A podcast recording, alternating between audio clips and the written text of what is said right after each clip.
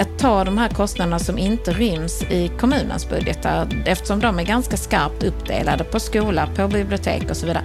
Det är väldigt få som går över, över de gränserna men vi finns där och kan lägga till det där på toppen. Liksom det förvaltningen inte riktigt kan få utrymme till i sina budgetar.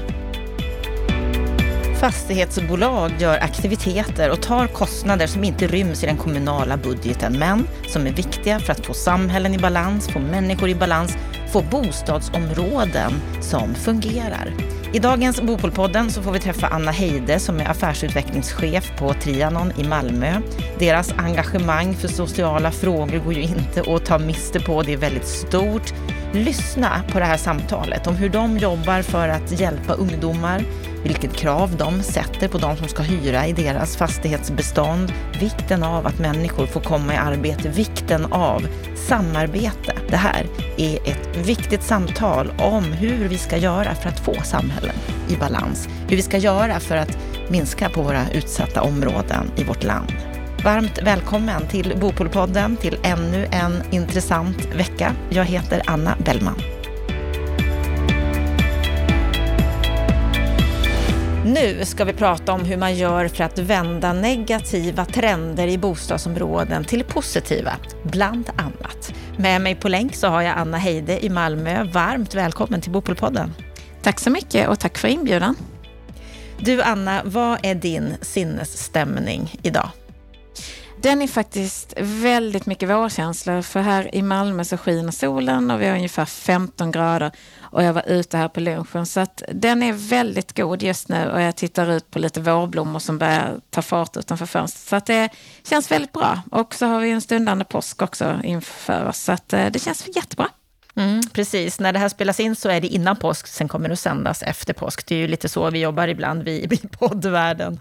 Du Anna, du är idag affärsutvecklingschef på Trianon sedan några år som ju är ett, ett fastighetsbolag i Malmö med omnejd. Innan dess så var du fastighets och CSR-chef på MKB i Malmö och du har också ansvarat för ett nationellt integrationsprojekt för Sveriges allmännytta. Hur kom det sig att du kom in på de här frågorna på den här banan? Det är nog ganska mycket tillfällighet jag började som trainee en gång för väldigt länge sedan i MKB och då var banan ganska öppen vad man ville arbeta med. Men jag kom snabbt in på att jag ville jobba med förvaltning och eh, fick då en fråga om jag ville bli fastighetschef i, i Rosengård direkt och hade då aldrig haft en ledande befattning och, och var ganska nybakad eh, ekonom eh, från Lund och eh, tänkte att ja, men det antar vi väl den utmaningen. Och sen har det ena lett till det andra och eh, någonstans när man jobbar med fastighetsförvaltning så är det så väldigt, väldigt mycket mer än hus. Det är ju framförallt människor och deras boende och områdesutveckling som man arbetar med. Och då kommer man automatiskt in. Det går liksom inte att värja sig för de frågorna för då blir det inte en långsiktig hållbar utveckling. Så det ena har gett det andra och sen eh, kan man säga att jag har jobbat på med de frågorna och breddat eh, den rollen ganska så mycket och har sen kommit in på att jobba enkom i MKB med eh, sociala hållbarhetsfrågor. Eh, och det gjorde jag ett antal år, vilket sen ledde till, till eh, det här eh, Sveriges allmännyttas eh, projekt där kring integrationsfrågor. Då var jag ute i landet och åkte runt och besökte tillsammans med en kollega 50 olika kommuner och såg vilka lösningar. Det var mitt i brinnande flyktingkrisen så att det var ju många som gick på knäna, både kommuner och bolag.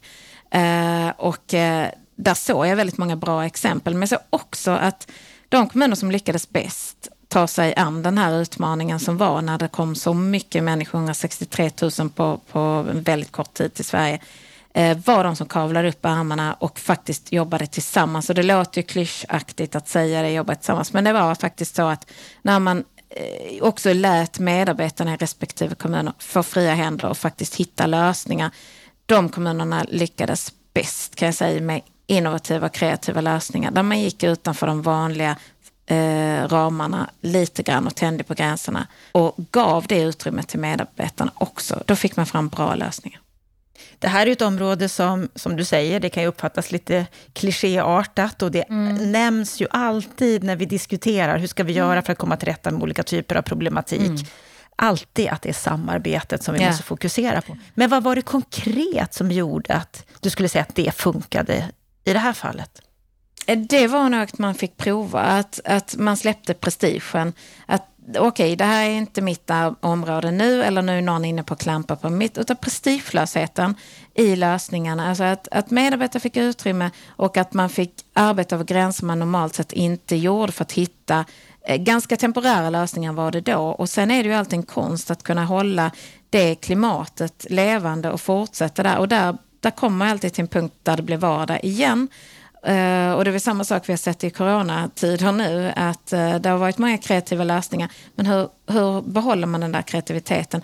Men jag tror framförallt en nyckel uh, har varit prestigelösheten, att man inte ser det som att någon klampar in på mitt område, utan det här gör vi tillsammans och för att hitta lösningar här, där vi inte var och en kan sitta i våra boxar och, och tro att vi hittar dem, utan att, att där, där blir man ibland trampad på tårna, men att inte se det som just en trampning på tårna, utan att se det som en möjlighet till att vi hittar en lösning tillsammans. Och det tror jag gäller både inom och mellan organisationer och förvaltningar. Det låter ju enkelt när du säger det, men jag tänker att det kanske inte alltid är det.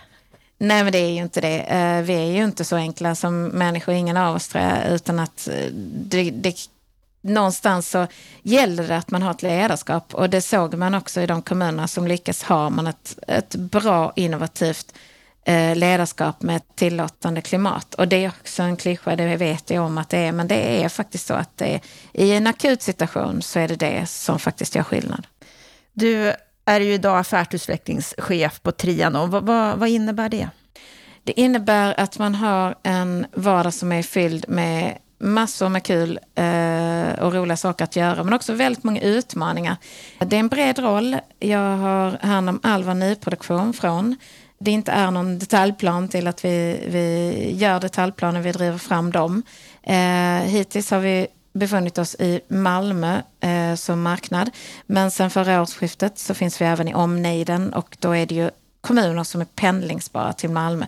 Vi vill gärna ha vår egen förvaltningspersonal och eh, ha dem samlade så att vi har koll på vår förvaltning helt enkelt. Så att vi jobbar från grunden. För det här med social hållbarhet, det börjar ju alltid oavsett var man än är med helt rent och snyggt. Det går inte att bygga någon form av social hållbarhet och eh, projekt och, och massa olika lösningar om man inte har den på plats helt rent och snyggt. Är grunden i all social hållbarhet.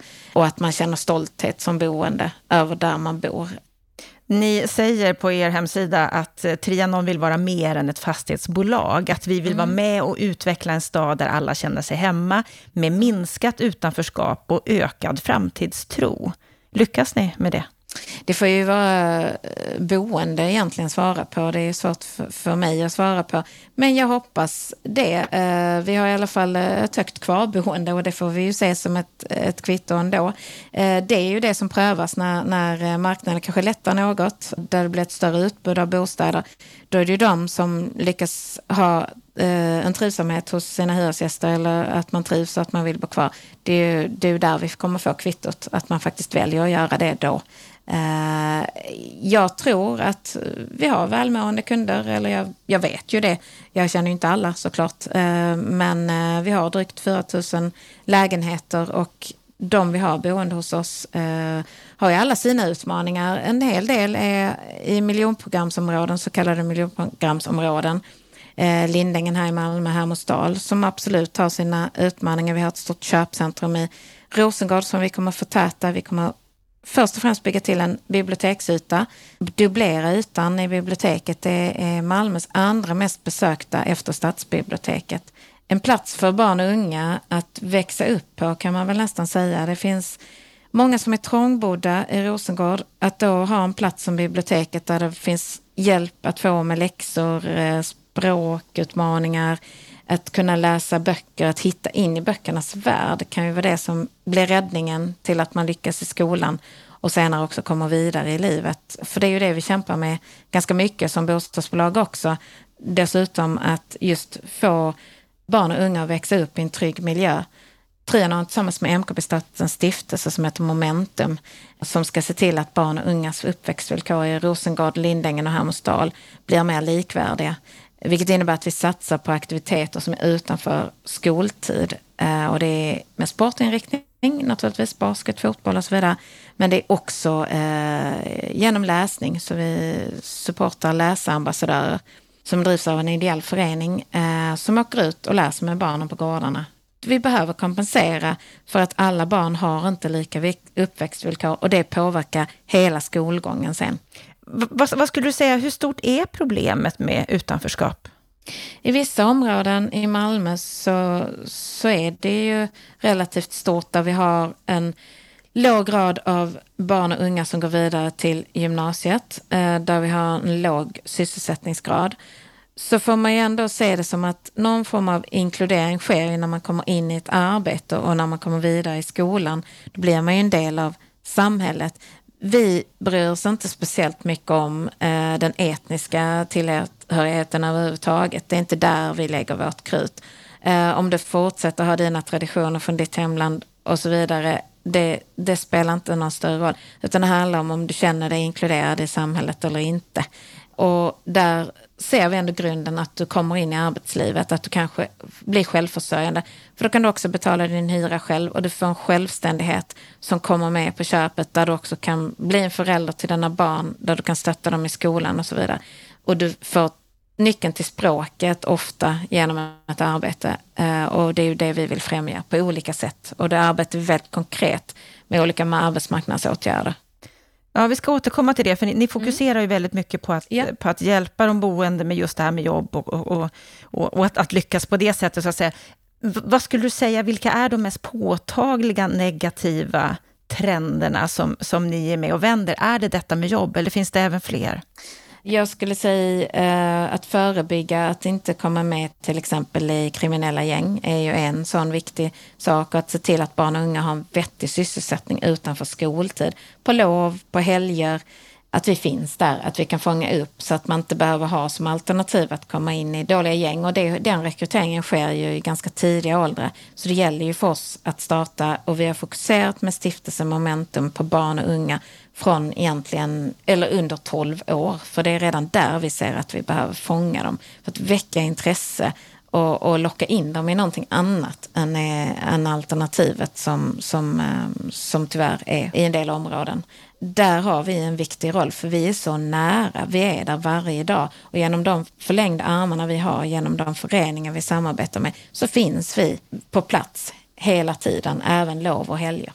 Så det är framförallt barn och ungdomar som ni fokuserar på? Ja, eh, vad gäller den biten att sysselsätta efter, vi går inte in i skolan, för skolan kan skolan bäst, absolut. Men vi samarbetar med många skolor, så vi serverar till exempel frukost på en av skolorna i Rosengård, kommer göra det på en till skola nu. Då får man också möjlighet att få en liten lugn stund, eh, man tänder ett ljus och man har lite meditation och, och så äter man frukost i lugn och ro. Så att man startar dagen på ett lite lugnare sätt och med magen fylld. Då går det ofta bättre under hela förmiddagen också. Vad ser ni för effekter av det här? Eh, vi ser att det blir lugnare och det har ju de, den skolan som varit igång ett tag ser ju absolut en skillnad i klassrummet också. Så det går ganska påtagligt att mäta. Sen är det en mängd faktorer till som ska såklart vara på plats. Men det är en sån grund som vi kan, vi kan göra det där lilla extra. Eh, likadant med med det samarbete vi vill ha med biblioteket. Eh, att kunna starta till exempel de här läsambassadörerna som är ute i områdena. Att väcka det här. Att ta de här kostnaderna som inte ryms i kommunens budgetar eftersom de är ganska skarpt uppdelade på skola, på bibliotek och så vidare. Det är väldigt få som går över, över de gränserna men vi finns där och kan lägga till det där på toppen. Liksom det, det förvaltningen inte riktigt eh, kan få utrymme till i sina budgetar. Jag tänkte Anna på en grej som jag läste om dig i en artikel. Eh, där sa du att arbeta med sociala frågor, det är en bra affär. Men då måste man våga arbeta långsiktigt. Mm. Hur långsiktigt kan ni arbeta när det gäller de här bitarna? Vi kan det för vi har ett ägarskap. Vi börsnoterade och bytte, bytte lista här innan jul precis till midcap. Men vi har ett ägarutrymme, eller vårt ägarskap eh, vill att vi arbetar med de här frågorna långsiktigt. Sen vad långsiktighet är, är ju svårt att säga, det är så olika. Men det tar tid att förändra och de här frågorna är, de är tuffa eh, och de kräver tid och de kräver pengar. Eh, så det är inget quick fix. Men du måste göra både och. För du måste också se att det händer någonting på kort sikt. Det går inte bara att jobba med tioårsperspektiv. Även om du måste ha det i bakhuvudet hela tiden. Att de här lösningarna, vi kommer att få skörda frukterna av dem om kanske tio år. Men det måste hända saker så att människor ser. Jag tror det visuella är oerhört viktigt. Jag vet när jag jobbar med Herrgården och lyfta det området för MKB för det är dryga tio år sedan nu. Men det var ju så viktigt att det visuella gick hand i hand med de sociala bitarna, men att man såg faktiskt att det blev fina på gården, det blev fina i trapphuset. Det hände saker hela tiden och då får man också den vändningen hos människor. Då tror de på det som kommer att hända. Gör man bara sociala satsningar som inte syns någonstans och fortfarande skräpigt på gården, fortfarande nerklottrade trappuppgångar och hissar som inte fungerar, då, då har man ju ingen trovärdighet i det man gör. Så att de där måste löpa hand i hand och väldigt parallellt. Man ser att det händer någonting och samtidigt så, så får, får du ett annat omhändertagande, en annan ansvarskänsla hos de boende också. Eh, så, så den är viktig, att det får gå hand i hand hela vägen. Precis som du har nämnt så, så är ni ju väldigt fokuserade på att de som bor i era områden, att de också ska ha ett jobb. Ni ställer till och med krav på att de som flyttar in i era lägenheter ska ha en inkomst, är det så? Mm.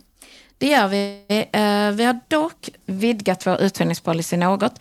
Så nu godkänner vi 10% med försörjningsstöd också. Men framför allt så är det ju att just i den typen av områden som har en låg sysselsättningsgrad, då behöver vi ju fylla på med människor som har arbete. För jag tror någonstans att det går någon gräns. Att är det fler som arbetar än som är arbetslösa eller sysslolösa så tror jag att man ändå någonstans får en majoritet av de boende som är i arbete och går till arbetet på morgonen. Vilket innebär att det blir någon form av norm i området också. Och den är viktig. Kan du titta på ett område som Gårdsten, som många känner till i fastighetsbranschen, som ett väldigt lyckat och gott exempel. Det är ju extremt långsiktigt. Det har ju hållit på i 20 år och mer än det nästan. Där har det ju tagit tid, men nu har man ju lyckats plocka bort det från polisens lista på utsatta områden till exempel. Nu ser du kapitalet som kommer dit med investerare som är beredda att bygga. Nu har du privata aktörer som till och med, inte bara allmännyttan, utan till och med privata aktörer som är beredda att bygga nya bostäder. Men det har ju varit ett väldigt långt arbete. Och där har man också under hela den tiden ställt krav på inflyttande att man ska ha arbete. Och på det sättet, det är så många parametrar som ska till samtidigt. Eh, det är inte en lösning som gör skillnad utan det är ju många. Och det är också lite klyschaktigt att säga men, men det är samarbeten och många saker samtidigt som, som gör skillnad. Och en del du, kravställande. Och en del kravställande också, mm. precis. Du, du kommer vara med i någonting som heter Tillväxtkommissionen i Malmö. Mm. Där ni kommer att jobba med bland annat de här bitarna. Berätta, vad är, vad är Tillväxtkommissionen för något? Eh, tillväxtkommissionen är en kommission som egentligen är en fortsättning på den tidigare Malmökommissionen som egentligen var ett sätt att identifiera olika kan man säga, strategier för att arbeta med att minska glappet i medellivslängden i Malmö. Då, 2011 någonting, 12, när man tillsatte den här kommissionen, så var glappet i medellivslängd mellan en som växte upp i Rosengård och en som växte upp i Limhamn. Sju år, man levde alltså i snitt sju år längre i Limhamn än vad man gjorde i Rosengård. Ett, två olika, helt olika områden i Malmö, men inte mer än en halvtimme cykelväg mellan dem egentligen. Eh, så relativt kompakt stad som Malmö är så ligger de inom stadens gränser, de här områdena. Och det är ganska lång tid i skillnad i medellivslängd och det är många faktorer som gör det. Men man identifierade ett antal olika hälsofaktorer där. Det här är en fortsättning där man kommer att fokusera mer på näringslivet, innovation, att skapa arbetstillfällen. Det finns mycket arbetstillfällen i Malmö, men det matchar inte riktigt Malmös befolkning. Och det är att hitta nycklarna, det kan vara inom utbildning men också att tillskapa arbeten eh, genom innovativa lösningar för att få flera Malmöbor i arbete. Men jag är väldigt glad att få vara en av 17 kommissionärer som kommer arbeta under nästan två års tid med att ta fram konkreta bra lösningar. Hur läker man ihop den här staden på ett bra sätt där vi får en inkludering hos de invånarna som finns i staden. Du nämnde ju Gårdsten som exempel tidigare och Göteborg har ju varit väldigt tydliga med att de vill, de vill bli av, skriva av alla sina särskilt utsatta områden, mm. alla sina utsatta områden fram till 2025. Vad, vad ja. har Malmö för tydliga mål med, med den här satsningen? Vart vill Malmö någonstans? Med tanke på utmaningarna som finns. Mm. Målen är nog de samma. Nu har man fokuserat på arbetslinjen här. Göteborg har Eh, fokuserat på att just ta bort de här från polisens lista. Det är ju egentligen är ju nog målen de samma. De uttrycks på och formuleras på lite olika sätt bara. I Malmö har man inte konkret formulerat det så. det vi har, till skillnad från Stockholm och Göteborg, det är att vi har alla områden inne i Malmö stad, inom stadens gränser.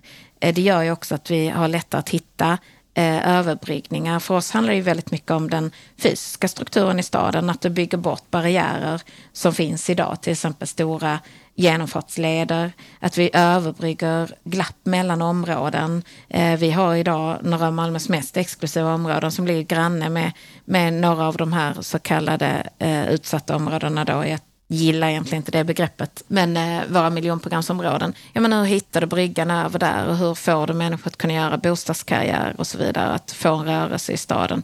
Och då handlar det mycket om den fysiska strukturen, vad du ger för möjligheter för människor att ta sig också vad du ger för möjligheter. Nu har man precis fattat ett beslut om att bygga ut Pågens. Den finns mitt inne i stan på väg till, till Rosengård från innerstan till exempel. Det är en väldigt viktig arbetsplats. Och det är ju klart att det är utmaningar med det. Det är utsläpp, det är buller, det är olika utbyggnadsprojekt som då inte kan ta fart. Det är ett tillfälligt bygglov ska jag säga då, eh, på tio år. Men ändå, det gör ju att vi får och bibehåller arbetstillfällen inom stadens gränser. Det är många från till exempel Rosengård som inte tar sig speciellt långt för att komma till ett arbete. Och då är det väldigt bra att vi har arbetsplatser inom stadens gränser också som är med industriinriktning. Så att eh, jag är faktiskt väldigt glad för det beslutet. En sak som, eh, som jag tänker på när, när, när jag har funderat på det här samtalet med dig, mm. det är ju just det här med att jobba med social hållbarhet är ju viktigt. Du har nämnt det själv, det är viktigt att man är långsiktig och så vidare. Samtidigt är det viktigt att hitta den ekonomiska uppsidan. Mm. Och när jag läser på här om dig så har du sagt att, att ni har knäckt koden i Triathlon för att arbeta systematiskt med de sociala frågorna och också att ni har lyckats höja fastighetsvärdena. Mm. Det har vi Hur har ni gjort det? Eh, ja, men det har vi gjort för att det är ju så att blir området mer attraktivt, ja då blir det ju också så per automatik när vi har, har, har, lyckats göra de här första investeringarna som handlar om helt rent och snyggt. Jag tjatar om det, men det är så himla viktigt, liksom, för det är där du bygger grunden. Sen har vi energieffektiviserat en stor del av det gamla beståndet plus tillfört nya bostäder i ett område som heter Lindängen, då, eh, som är ett klassiskt miljonprogramsområde. Det har man gjort under väldigt lång tid. Det arbetet började ju redan 2011 11 i Trianon. Så har man jobbat systematiskt med det här. Både energieffektiviseringen där man har halverat energiförbrukningen i de gamla fastigheterna och satt solceller på taken, gjort ett antal olika investeringar, bytt fönster och så vidare. Sen har man då tillskapat 154 nya lägenheter som gör att du får en rörelse inom området men du får också en inflyttning av andra hushåll till området dessutom. Du har gjort lokaler i bottenplan åt en ganska, får man säga, ganska stor genomfartsled sedan tidigare och död gata kan man väl säga. Det har bara varit en rad med parkeringar som vett mot gatan. Nu helt plötsligt har du ett liv. Du har gym och förskola och du har tvättotek och café i bottenplan. Så nu helt plötsligt har du, har du fått ett helt annat stadsliv i den delen. Så det gäller att jobba med många olika saker och därmed blir ju området också mer attraktivt och fastighetsvärdena stiger. Ni jobbar ju också med det som heter hållbara hybridobligationer, så kallade sociala obligationer som ni menar är en bidragande nyckel till att ni har lyckats. Vad är, vad är det för något? Det är egentligen ett sätt att flörta med marknaden, kan man väl säga, att få dem att förstå vad social hållbarhet är. Det har ju länge varit ett ganska luddigt begrepp i finansvärlden och man har liksom inte, man har förstått gröna obligationer, gröna investeringar. Det, det är ganska lätt att mäta och det är lätt att förstå. Sociala obligationer eller sociala investeringar är ju någonting helt annat. Men vi sa det, vi skulle ge ut, vi behövde ta in kapital och vi sa att, ja men okej, då gör vi, och vi har gjort den tillsammans med Nordea, och eh, de hjälpte oss att sätta ramverket. Och det är ett antal, det är tio väldigt konkreta mål i den. Och den har vi gett ut på fem år. Vi gav först ut den på 400, sen har vi kallat på 100 till, så nu är det totalt 500 miljoner. Och där har vi gått ut och lovat egentligen marknaden att de som har köpt andelar i den här, de lovar vi att vi ska leverera x antal jobb och det är jobb i Trianon och det är jobb i, eh, i, via våra entreprenörer. Vi köper in väldigt mycket tjänster både till förvaltning men också till eh, nyproduktion och så vidare. Då ställer vi krav på våra entreprenörer att de ska anställa folk när, när de får ett jobb hos oss. Men det är också via sommarjobb. Vi tar in många sommarjobbare från boende i våra fastigheter. Vi ska bygga lägenheter så att människor har råd att flytta in. Och då handlar det för oss om investeringsstödet där du får en hyra på 14,50 ungefär kvadraten i snitthyra. Då hamnar man på ungefär 8,5 för en trea på 70 kvadrat. Och det tycker vi är en relativt eh, rimlig hyra för att vara ny, nyproduktion. Eh, och sen är det ett antal satsningar till på barn och unga, trygghetssatsningar där vi sponsrar ett helt antal olika sportklubbar, till exempel fotboll, basket och så vidare. Och det är även eh, att vi ska renovera så att man har råd att bo kvar, ska jag inte säga för det blir fel uttryckt. För att vi påtvingar ju aldrig någon, någon renovering utan det är först vid succession och då sätts en ny hyra. Men vi gör det så att man har råd att flytta in kan man väl säga då. Eh, vi gör inga sådana renoveringar som, som trissar upp hyrorna utan vi gör grundläggande för badrum och kök. Vi gör ytskikt och så vidare, vi sätter på säkerhetsdörr. Men vi gör inte allt det där lullullet som jag ibland brukar kalla det som gör att hyran sticker iväg väldigt mycket. Och då jobbar vi långt. Vi ställer krav på de boende ska ha jobb när man flyttar in. Som jag sa, vi försöker jobba med arbetsmarknadsåtgärder som sagt. Där har vi satt målet att vi ska höja eller minska, minska arbetslösheten i, i områdena. Och ett antal väldigt konkreta eh, satsningar.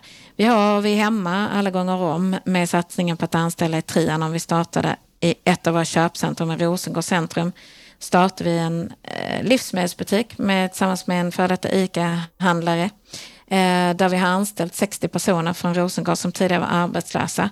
Där vi står för en större delen av ägandet. Där har vi fått en bra mix uh, och ett bra utbud och den har blivit väldigt populär. Men framförallt har vi fått in 60 personer som var arbetslösa tidigare i arbete.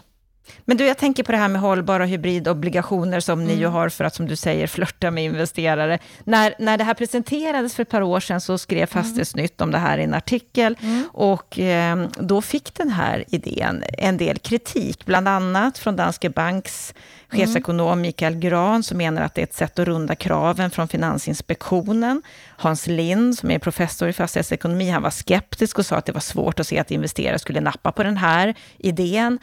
Hur har det gått? Har ni lyckats flörta med investerare? Har det gått bra eller finns ja, det något vi, i den här kritiken? Det är ju inte runda lag, jag vet inte om, om det kanske också, vi har ju ett projekt, ett Vinnova-projekt där vi ska försöka få, eh, få till en lösning på kontantinsatsen för 15 procent. Då vet jag att de, de sakerna dök upp eh, en del att man var ett sätt att runda lagstiftningen och så. Eh, och den håller vi fortfarande på att arbeta med och är hoppfulla om att vi har en lösning till projektet går ut i höst. Men, men eh, i den här så det är klart att det, vi, vi har hållit oss inom alla, alla eh, eh lagkrav som finns.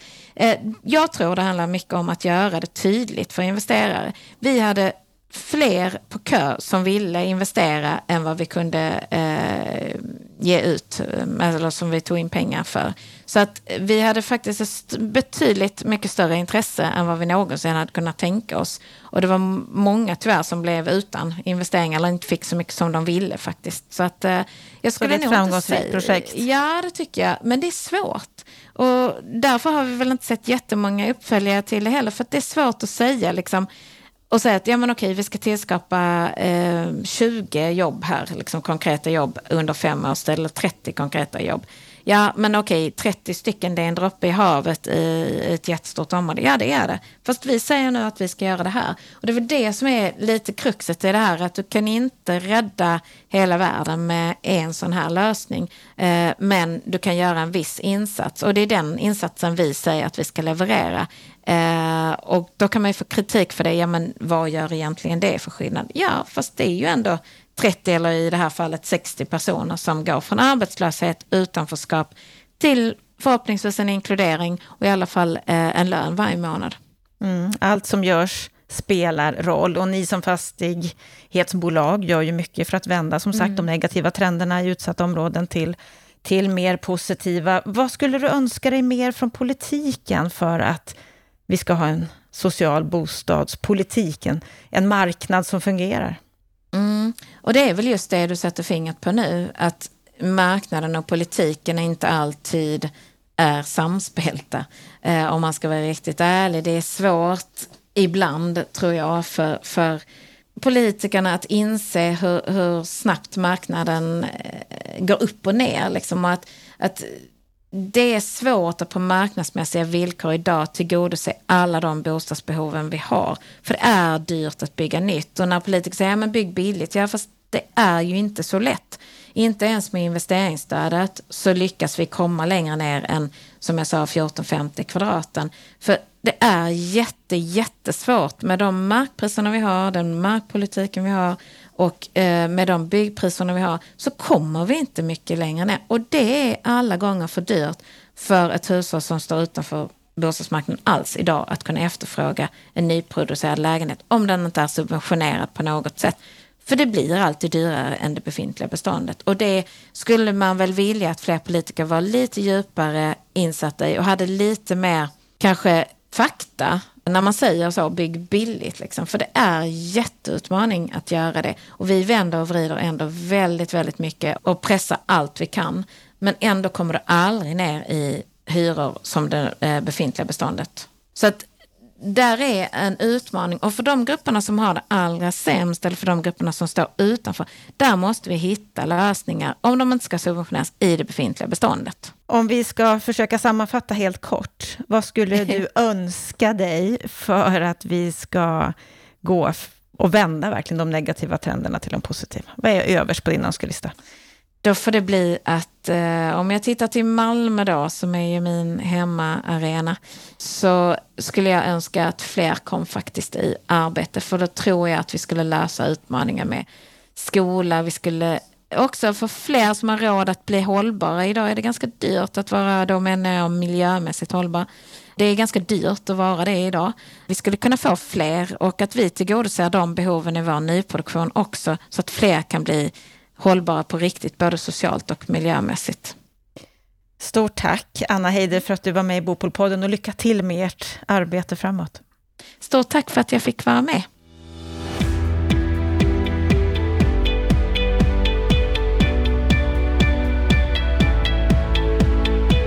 Då har vi hört samtalet med Anna Heide. Vad säger du Stefan Attefall om det här samtalet?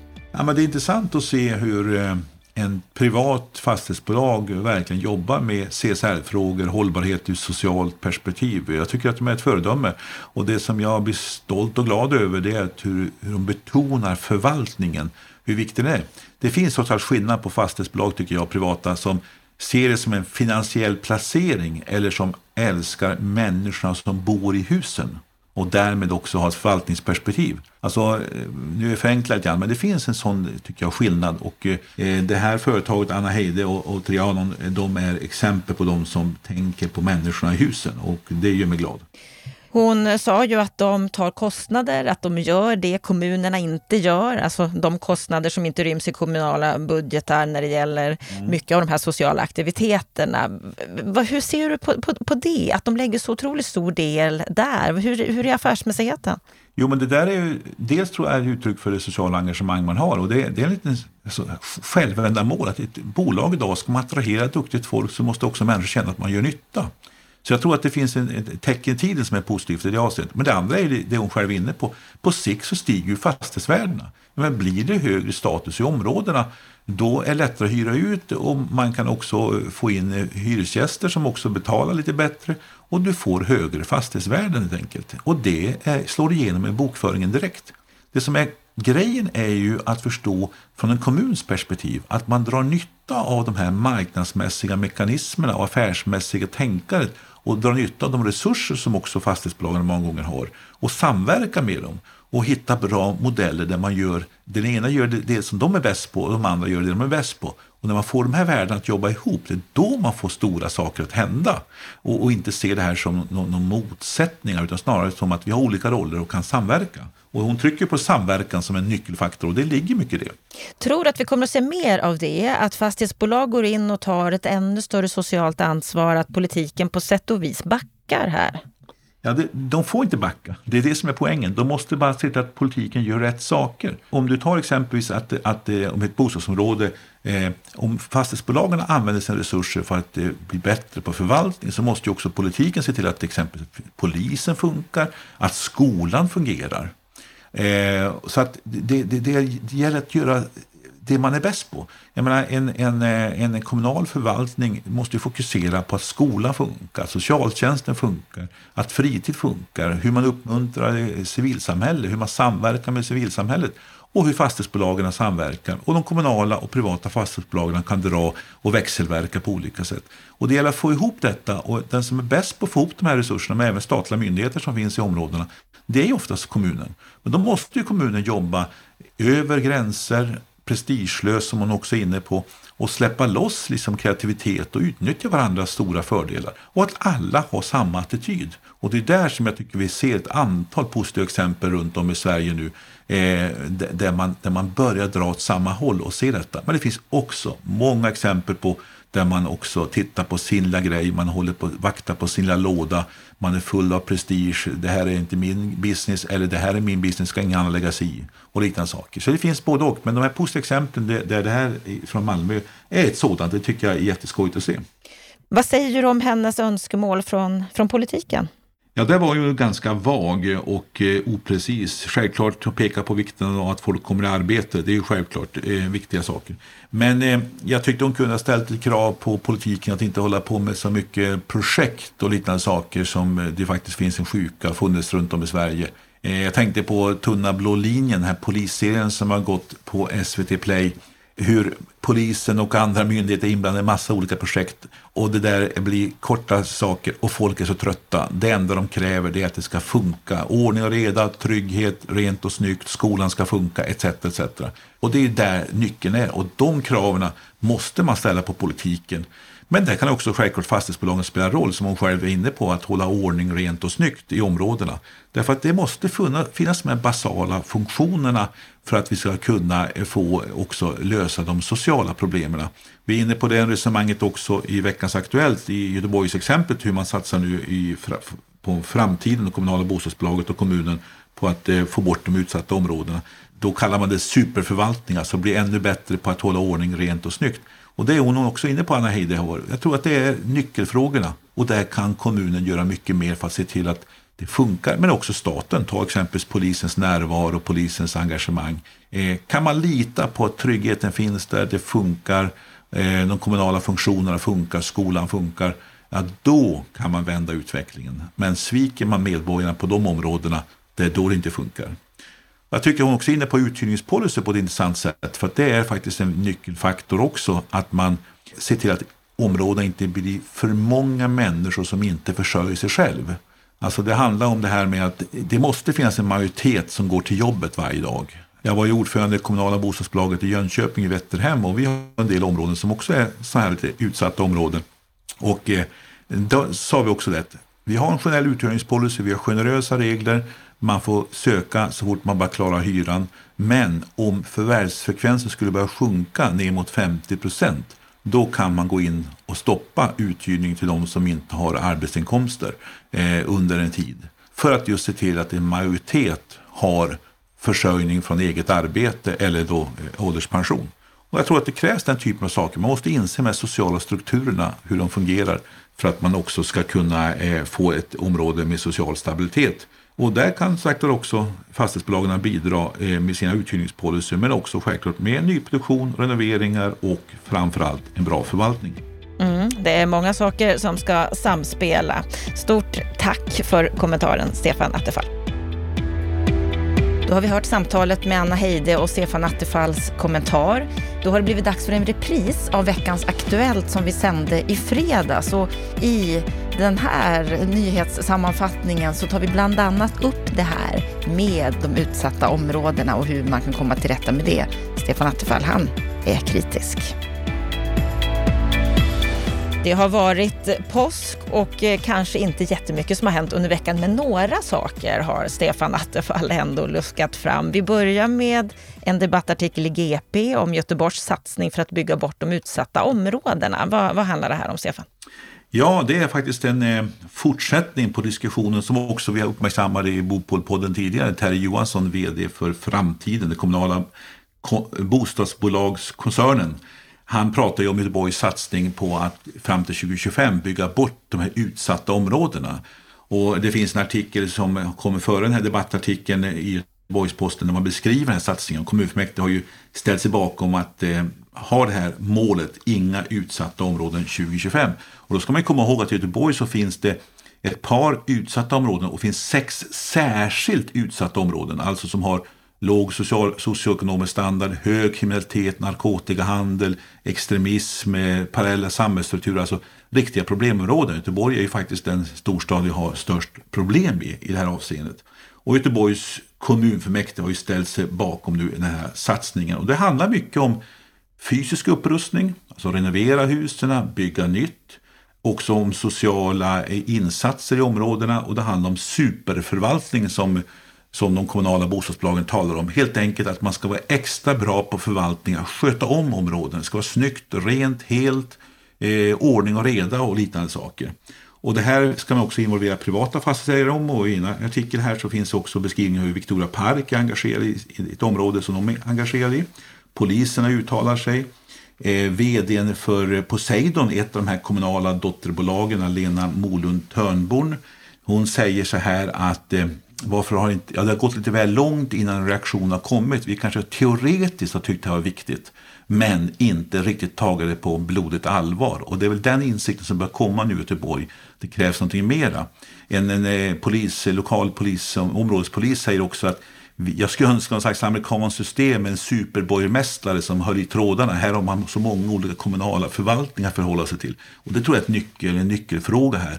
Att fullmäktige och kommunstyrelsens ledning ser till att hela kommunala apparaten och i samverkan med privata eh, fastighetsföretag och andra aktörer och inte minst civilsamhället, att man drar åt samma håll.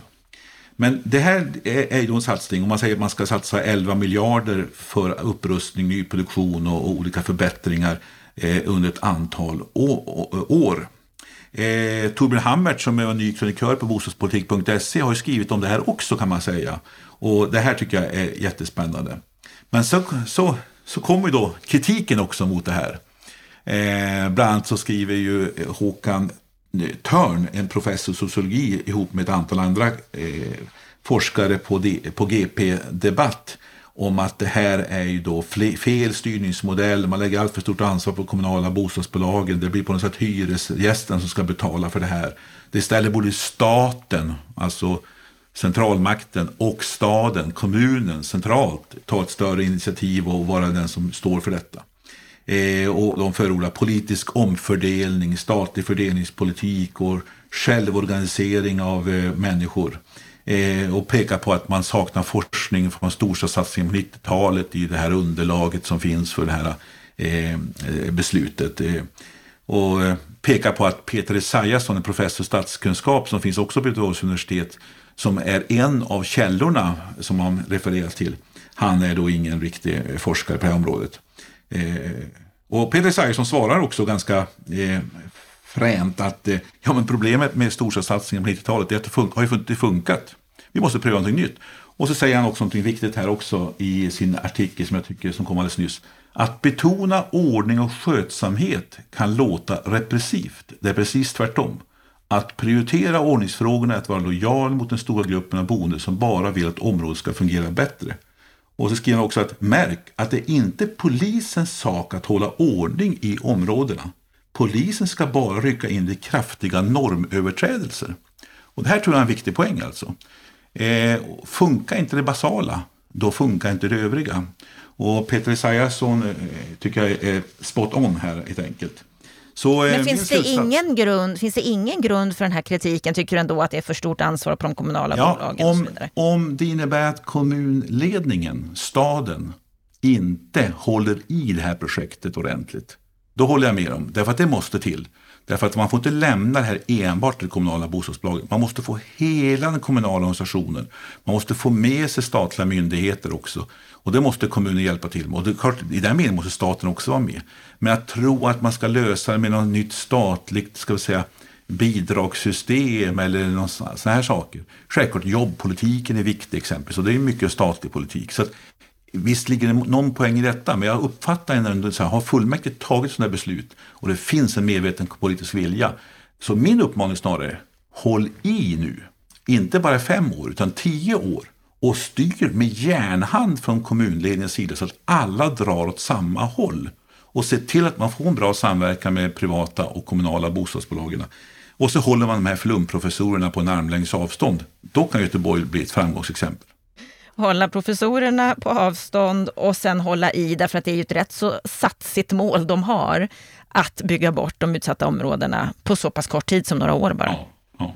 Vi ska gå vidare till en artikel i Fastighetstidningen som handlar om serietillverkning av hus, där man bland annat hänvisar till utredningen Bygg och bo till lägre kostnad. Mm. Vad är det man tar upp i den här artikeln? Ja, jag tycker det är faktiskt intressant för David Grossman som är journalist på Fastighetstidningen som har försökt bena upp de här frågorna. Eh, vad är serietillverkning av hus och eh, varför byggs det inte mer serietillverkade hus? Därför att utredningen konstaterar ju att det är 15-20% lägre kostnad att bygga mer serietillverkat. Han konstaterar att de här kombohusen som allmännyttan haft och kanske gett till cirka 20% av allmännyttan har byggts i serietillverkad form. Och då konstaterar han ju också att i det räknas man ju inte in byggprojekt där en viss del används eh, som förtillverkade stommar eller har, har inslag av industriellt byggande. Så det finns ju många projekt som har delar av eh, projektet i serietillverkad form. Men de rena typhusen, rena serietillverkade husen är kanske i allmännyttan bara 20 procent. Och han frågar sig också varför är det inte mer? Och utredningen tittar på ett antal skäl och han har intervjuat ett antal olika aktörer. Och en viktigt skäl det är ju att att eh, attityden hos kommunala planerare och eh, hos eh, många branschaktörer som arkitekter men också hos politiker är att man är rädd för någon slags miljonprogramsområden med stereotypa likartade områden. Och det menar ju då alla som håller på med serietillverkade hus, det är fel därför att du kan ju både variera, dels finns det många olika typer av serietillverkade hus och så kan du variera utseende, tak, eh, fasader etc. Så du kan få en stor variation i höjd och liknande saker. Så att man, man avfärdar ju den typen av motargument. Eh, det andra som man tar upp i den här eh, artikeln och i utredningen är ju att bara för att du får lägre eh, produktionskostnad är det inte säkert att du får lägre hyra. Därför att om två hus står bredvid varandra och det är samma typ av lägenhet med samma standard, den ena byggs mycket billigare, den andra byggs dyrare, så är bruksvärdet detsamma. Det vill säga hyran ska bli likadan. Eh, och det här är ju ett, ett, problem kan man säga för att det ska få genomslag. Och då föreslår utredaren här att man ska jobba med presumtionshyressystem för att låsa då hyran på en lägre nivå 15 år och liknande saker. Och det kan man diskutera Eh, den, den te tekniska modellen. Annars är det också så att ju mer hus som tillverkas till en billigare kostnad desto svårare blir det att ta ut högre hyra för de som inte har byggt billigt. Så det kommer ju också pressa fram eh, eh, lägre hyra den vägen. Eh, och du kan bygga också på fler platser än vad man annars kan göra rent ekonomiskt. Men jag tycker att det är intressant med den här artikeln för den benar upp verkligen eh, fördelarna med heltillverkade hus och den här utredningen har ju också sagt att man ska kunna bevilja bygglov för uppförande av serbyggt hus, flerbostadshus även om det ge, eh, strider i viss mån mot detaljplanen. Och det här är ju då arkitekter som intervjuas eh, kritiska till och rädd för förslumning och allt möjligt. Men jag tycker att det finns mycket poäng i den här utredningen som man borde beakta nu. Och nu vet vi inte hur den kommer att sluta. Den har gått ut på remiss men eh, det ska väl under slutet av det här året kunna bli förhoppningsvis någon typ av politiska förslag av den här utredningen. Men intressant tema och vi behöver mer av serietillverkning. Vi behöver mer av ska säga, standardiserade lösningar men med fasader och tak och annat som ser annorlunda, olika ut så att man inte får känslan över att det är likartade hus. Och vi behöver blanda detta mycket, mycket mer än vad vi gör idag. Så jag tycker att utredningen är på rätt väg och artikeln är intressant i Fastighetstidningen. Det här är ju någonting som har varit uppe på tapeten förut och diskuterats, om man inte ska ha ett mer industriellt byggande och så vidare. Varför har det inte slagits igenom tror du? Är det den här rädslan bara som ligger bakom? Ja, jag tror att det finns mycket attityder, mycket motstånd eller som och det är klart från början när det kom fram en del såna här olika typhus så var de lite mer enkla i formen och, och kunde avfärdas av en del som att de är fula eller inte tillräckligt vackra eller sådana saker. Problemet är bara att vi behöver både ska vi säga, de här fantastiska märkesbyggnaderna och vi behöver de mer standardiserade husen med god standard. Mm. Eh, och det är den här variationen. Problemet är att vi har bara fokuserat på eh, liksom att hitta de här innerstadsmiljöerna där marken är dyr och då blir bostadsrättslösningen eh, det enda som går att få ekonomi på det hela. Men bygger du lite mera hus i, i, i en stad på lite olika delar så måste du också hitta olika former. Eh, sen gäller det att blanda det här på ett bra sätt så att det inte blir ska säga, så att vissa bostäder är i vissa områden och andra i andra områden. Så jag tror att det lite grann handlar om en kommunal planeringsstrategi och så få bort lite fördomar och sen så försöka att jobba med variation även om produkten i sig är standardiserad. Mm. Vi får se om, om du får rätt där och vi får se om den här utredningen kan leda till mer serietillverkade hus. Vi ska avsluta med en ledartext i DN, alltså ledarskribenten i DN som har tagit upp vårt favoritämne här i Bopolpodden om kreditrestriktioner. Vad är det han skriver här? Ja, vi kan ju inte ha en Bopolpodd-diskussion utan kreditrestriktioner. Eh, nej, han pekar just på det, det, faktum som är ganska välkänt att det, tar, eh, det är svårt för en eh, vanlig människa att få tag på en bostad och köpa en bostad och pekar bland annat på bolånetaket eh, som sätter ett hinder för många. Men det som är intressant ändå tycker jag att det är DN uppmärksammar då vikten av att vi hittar lösningar för att hjälpa hushållen att spara till sin kontantinsats och pekar ju på det norska exemplet Bolixspar men också på det tyska exemplet Bauspar och här vet jag ju att det finns ju också intressenter som försöker få in det systemet i Sverige men har trögt i portgången både att få finansinspektion och banker och eh, politik att agera. Men tyska systemet bygger på tanken att du ska kunna du spara pengar och så får du låna i motsvarande grad till en låg fastställd ränta på ett långsiktigt lån. Och du lägger det kan man säga ovanför bankfinansieringen och under din egen kapitalinsats, alltså en slags mellanfinansiering. Och de här tyska Bausparkassorna är ofta kopplade till exempelvis eh, kommersiella banker så att de har någon slags eh, sidoverksamhet eller dotterverksamhet som håller på med det här. Eh, och det bygger på att det finns också långsiktiga hyres eller eh, låneavtal. En modell, och så finns en viss statlig subvention också i systemet för att uppmuntra till människor att, att spara. Och det här är ett viktigt bidrag till att uh, tyska hushåll har lättare att köpa sin bostad och äga sin, sin bostad. Jag tycker det här är ett intressant inslag och eller norska modeller eller andra modeller. Och det som är slutsatsen i den här artikeln från Jens Rundberg på Dagens Nyheters ledarsida det är att han skriver så här att januariavtalet ska enligt punkt 4 med en skatt få minska hushållens skuldsättning och bidra till att förbättra bostadsmarknadens funktionssätt. Slutcitat. Det är dags för finansminister Magdalena Andersson att leverera någonting konkret och på den punkten kan vi hålla med. Ja, det finns eh, mycket att göra för att komma till rätta med olika delar och i det här programmet idag så har vi mycket fokuserat på social hållbarhet, vad som krävs för att bygga samhällen som fungerar. Vikten av att fastighetsbolag också tar sitt sociala ansvar och gör det där som kommunerna kanske inte riktigt har utrymme för i sina budgetar. Tack för att du har lyssnat på Bopolpodden. Är det så att du vill förkovra dig mer, då gör du det på bostadspolitik.se. Med detta så önskar jag dig en riktigt trevlig vecka.